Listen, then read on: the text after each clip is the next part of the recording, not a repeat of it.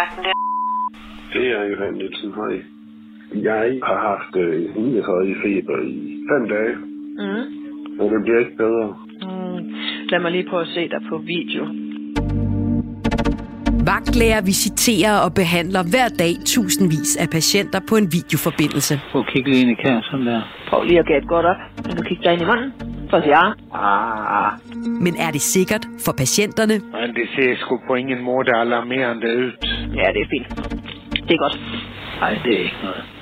Det lyder som influenza. Og kan det få fatale konsekvenser? videokonstationen kan være en hemsko for generelt, at man lytter ordentligt til, hvad patienterne siger, at man lægger mere vægt på det, man ser ved en video, som jo øh, kan være teknisk begrænset. Telefonens almindelige kamera er sat i verden for at producere det bedst opnåelige billede i den bedste situation, men ikke nødvendigvis det mest præcise billede. Man kan ikke vurdere en farvetoning af en hudoverflade for eksempel igennem en videokonsultation.